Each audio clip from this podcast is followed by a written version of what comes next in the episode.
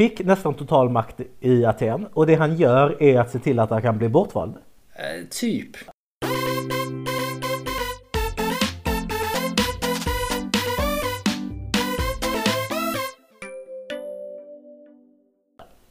Hej och välkomna till Varför blev han vald? Ännu ett avsnitt. Och med mig har jag Christmas. Det är svårt för detta avsnitt är det första ett slag så tillvida att vi spelar in på distans. Precis.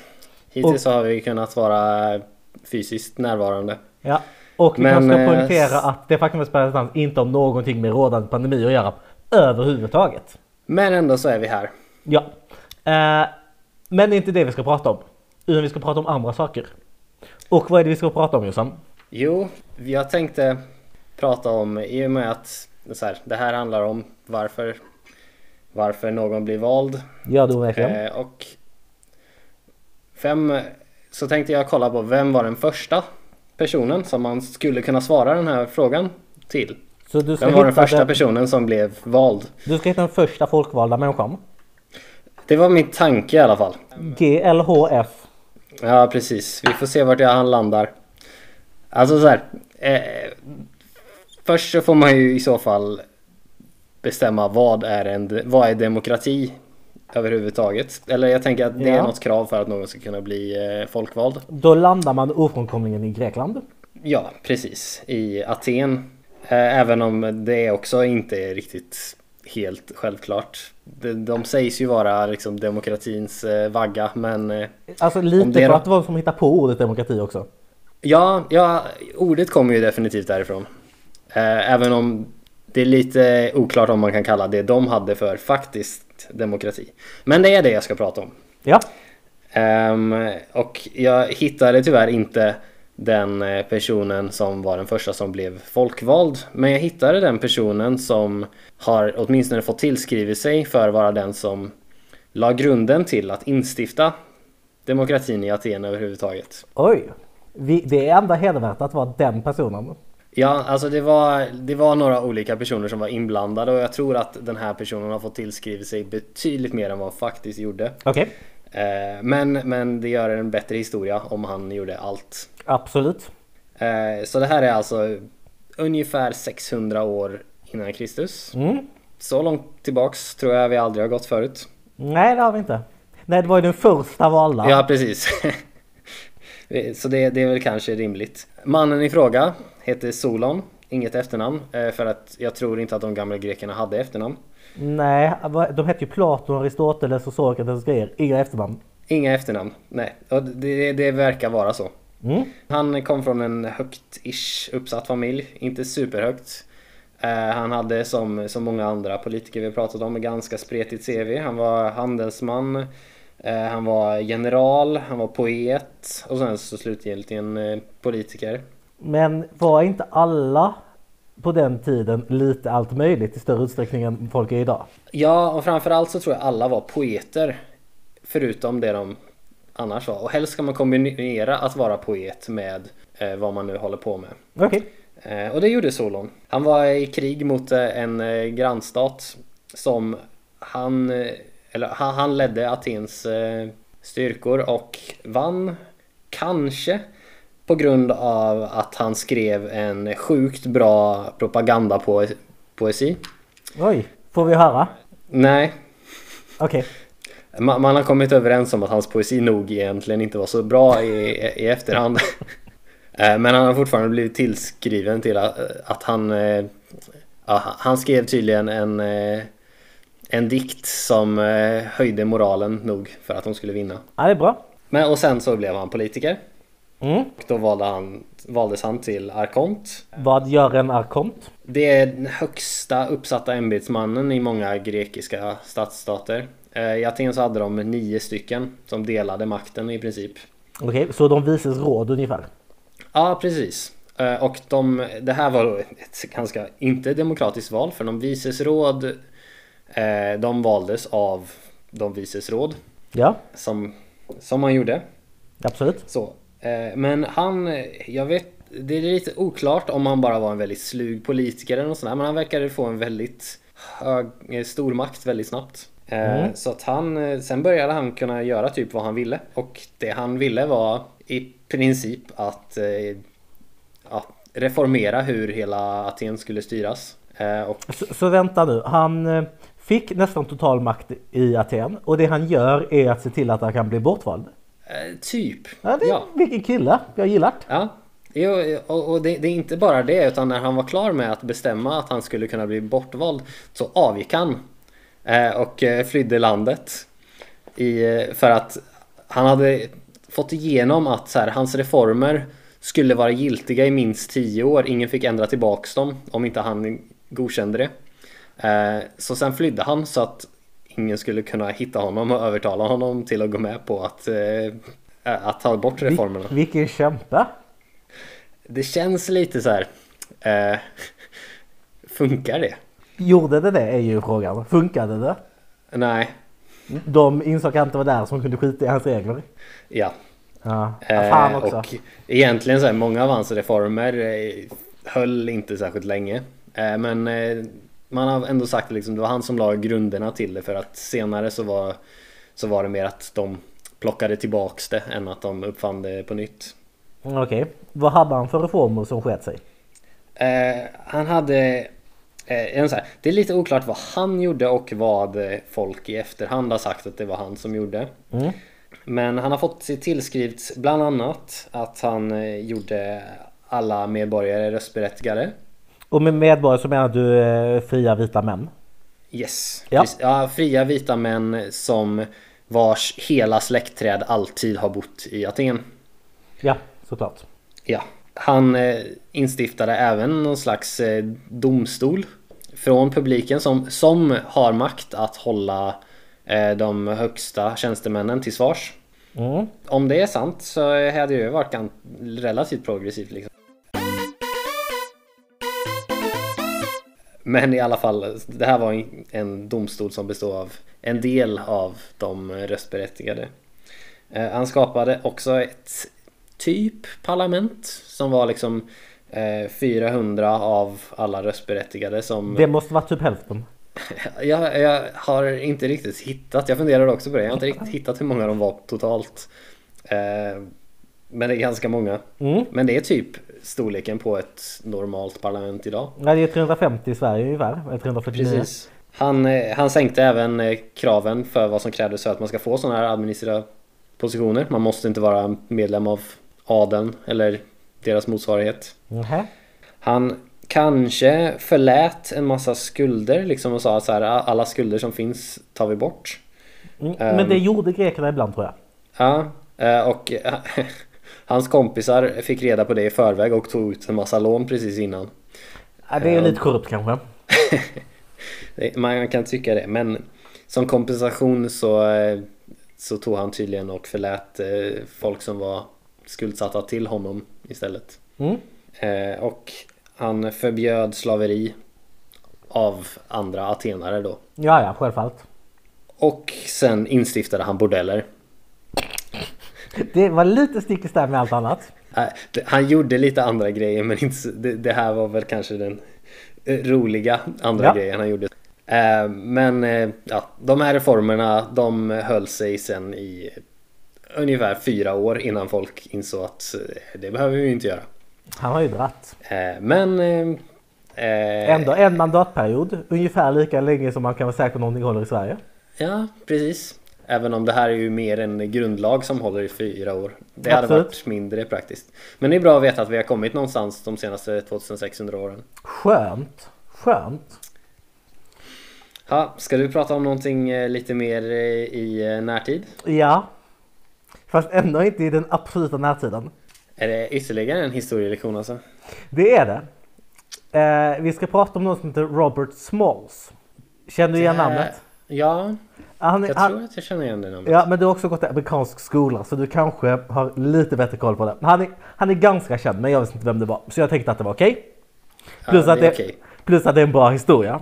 Absolut, låt höra. Det han gjorde som eh, politiker, det, den lag, eh, som reform som framförallt har hans namn, är att han eh, drev igenom gratis och obligatorisk skolgång i Sou- South Carolina. Och det var första delstaten i USA som hade det. Eh, Mm, han, det är grund, ändå sympatiskt. mm, han grundade också Republikanska partiet i South Carolina. Eh, Och fanns det republikanska partiet Ja, utanför Det South det. Carolina vid den tiden? det gjorde det. Men vi ska gå tillbaka till hans ungdom nu. Okej, Vi ska ju prata om varför han blev vald. ja det är sant. Mm. Varför Han- blev han vald? Ja, vi, vi, en sak i taget. Han eh, föddes eh, 1839. Mhm. och man vet vem hans mamma är. Man är inte helt säker på hans, vem hans pappa var. Man tror att det kanske var hans mammas slavägare. Eller kanske slavägarens son. Eller kanske förmannen för bomullsfältet. Right. Man, man är inte helt säker. Du, Så, du, kan- men, men, men hans mamma var slav helt enkelt. Ja, precis.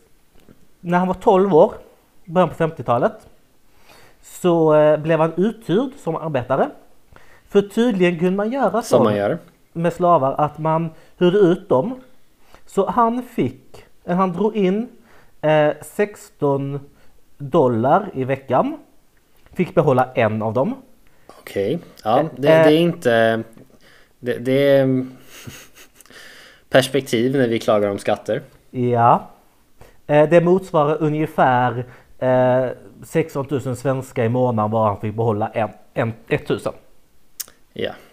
Eh, så han fick betala en dollar i veckan. 50 dollar om året ungefär. Han hade som ambition att köpa sin frihet. Hur mycket kostar det? 800 dollar. Det är alltså Eh. 16 år. Ja, det, det är ganska... Givet att han, Det tar ett tag. givet att han eh, lägger alla sina pengar på hög. Trots att han har familj och grejer. Right. Eh, men som slav eh, förväntades man försörja sig själv också då eller? Jag vet inte. Lite tror jag. Men jag tror att han hade alla stora utgifter. Typ boende eller han fick väl. Det var inget slott han fick bo på eller något sånt. Men jag, Så, Eh. Som det tenderar att vara. precis. Eh, jag vet inte riktigt. Men eh, hur mycket eh, han faktiskt hade som han var tvungen att betala. Men han hade familj också och så. Svårt i alla fall. Ja, han hade något barn och några bonusbarn och en fru och så. Mm. Först så åkte han eh, till en kuststad där han eh, jobbade lite på hotell, han städade lite grann tror jag. Han eh, jobbade lite med att tända gatlyktor Ja. innan elen vet du. Och sen så blev, han, Ja, sen så blev han styrman på ett eh, skepp. Eh, men eh, en fråga. Ja. Gjorde han det här liksom på eget bevåg? Var det liksom att hans ägare sa åt honom så här Gå ut i stora staden och tjäna pengar? Eller var det liksom att hans ägare tog och eh, sa åt honom så här Nu ska du jobba som städare eller nu ska du göra det här? Eller eh, Du menar om det var han som fixade jobben eller om det var ägaren som fixade jobben? Ja precis Det vet jag faktiskt inte. Alltså så här, jag, jag kan ju typ tänka mig att eh, Alltså slavägare om de har för många slavar skulle säga åt några av dem att så här, gå ut i vida världen och tjäna pengar. Men det låter sig- väldigt konstigt. Man kan också tänka sig att eh, slavägaren har kontakt med någon som behöver ett par händer. Ja precis. Eh, så man kan hyra ut så. Jag vet inte. Right. Men han varit styrman på en ångbåt. Mhm. Eh, och de facto kapten också. Och Okej, Så han var, han var hyfsat duktig på han, det han höll på han med alltså. verkade superkompetent. Eh, han flyttade då hemifrån 51 när han var 12 år. Och sen 10 år senare, 1861, vad hände då? Då så blev det lite oroligheter. Precis! Så då började eh, amerikanska inbördeskriget. Så Ja. han lyckades sno båten som han var styrman på. Och köra den norrut. Mitt i natten med ytterligare eh, ett gäng slavar. Och då hämta upp lite Nice. familjemedlemmar. Och kunde alla hemliga signaler som man kunde visa eh, för eh, de patrullerna som fanns i bukten. Seglade ut, hissade upp den vita flaggan och åkte rakt in i famnen på nordstaterna. Nice. Eller hur? Det tyckte Ja. alla var sjukt nice. Ja, det förstår jag. Det, alltså, det är en sån grej som alla kan vara överens om än idag var sjukt nice. Ja, han blev ju lite av en hjälte. i nordstaterna. Välförtjänt. Och eh, denna händelse var då lite av ett PR-problem för sydstaterna. Alltså dels så är det ju lite pinsamt att någon lyckas smyga sig ut med ett skepp. Som Ja. dessutom var, eh, var ganska värdefull båt. Det var liksom inte en, en liten roddbåt utan det var en ganska seriös ångbåt. Ja, ångbåtar var ju inte... de- var ju fortfarande moderna grejer då. Ja, ja absolut. Då levde man ju också i det här rasbiologiska arvet där man försökte hävda att den vita rasen var intellektuellt och fysiskt eh, mycket bättre än svarta människor. Absolut, och Vilket- svarta människor de skulle ju inte klara av att eh, köra en båt. Att köra båt kan de väl, men att lyckas överlista var det, här, det var ett problem för då faller lite grann resonemanget. Ja. Eh, så, så det var lite av en skandal och det, ja, det var väldigt, väldigt bra. Mm, men jag Och- kan tänka mig att han var ganska populär. Ja. Sen så tog eh, kriget slut. Han återvände till South Carolina. Han fick en liten belöning för alla bra saker han har gjort. Och för de pengarna så köpte han sin forna ägares hus. Nice. Eh, av, jag tror det var Skatteverket eller Kronofogden eller någon sån. För att- alltså hans eh, forna ägare ägde han, inte det längre. nej, han hade skatteproblem. Ja, Så det blev konfiskerat av myndigheter. right. Så han, eh, nice karma ändå. eller hur? Eh, och sen så fick ägarens mamma fick flytta tillbaka på ålderdomen och bo på vinden typ. Alltså, him- det är ändå, ändå snällt. vilken riktig hjälte va? Mm, verkligen. Eh, och sen hamnade han i South Carolinas någon lagstiftande församling och drev igen här med skolan. Men så han lyckades bli folkvald i en stat som förlorade inbördeskriget. Ja, för att Det är ändå eh, imponerande. Men precis efter inbördeskriget så Ja. är det något som kallas för eh, the reconstruction era. Eller återuppbyggnadstiden. Där nordstaterna ville eh, försonas. Man pumpade in ganska mycket pengar och resurser. Man ville stötta svartas rättigheter. Så man hade ganska mycket som verksamhet från nordstaterna. Och under den tiden så blev han folkvald. Right. Och sen så eh, blev det ganska, började lätta lite grann, det blev ganska mycket eh, gerrymandering, alltså att man drar om valdistrikt för att valresultat eh, ska bli institutionstecken rätt. Ja. Som eh, den fina traditionen som pågår än idag. Absolut. Så det blev sämre och, och sämre för honom. Men han var fortfarande en hjälte och han var en av de sista kvar som eh, faktiskt, de svarta människor som faktiskt hade något politiskt inflytande i, i South Carolina. En annan sak, förutom gerrymandering så fälldes han för mutbrott. Okej. Utöver att vara politiker så var han också affärsman. Lite grann. Och tydligen så var någonting där han fälldes för mutbrott där. Ehm, det mesta tyder på att det var lika mycket politiskt som juridiskt.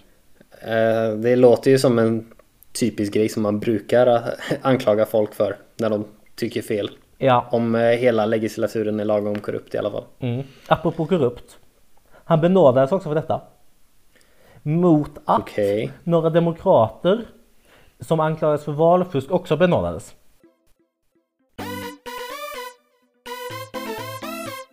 Som seden ibland där så ska jag avsluta med ett Göran Persson citat.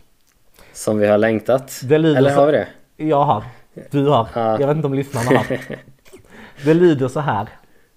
Jag har ju ansvaret för allting som sker inom socialdemokratin. Och inte bara det, utan jag har också ansvaret för det mesta som sker i landet.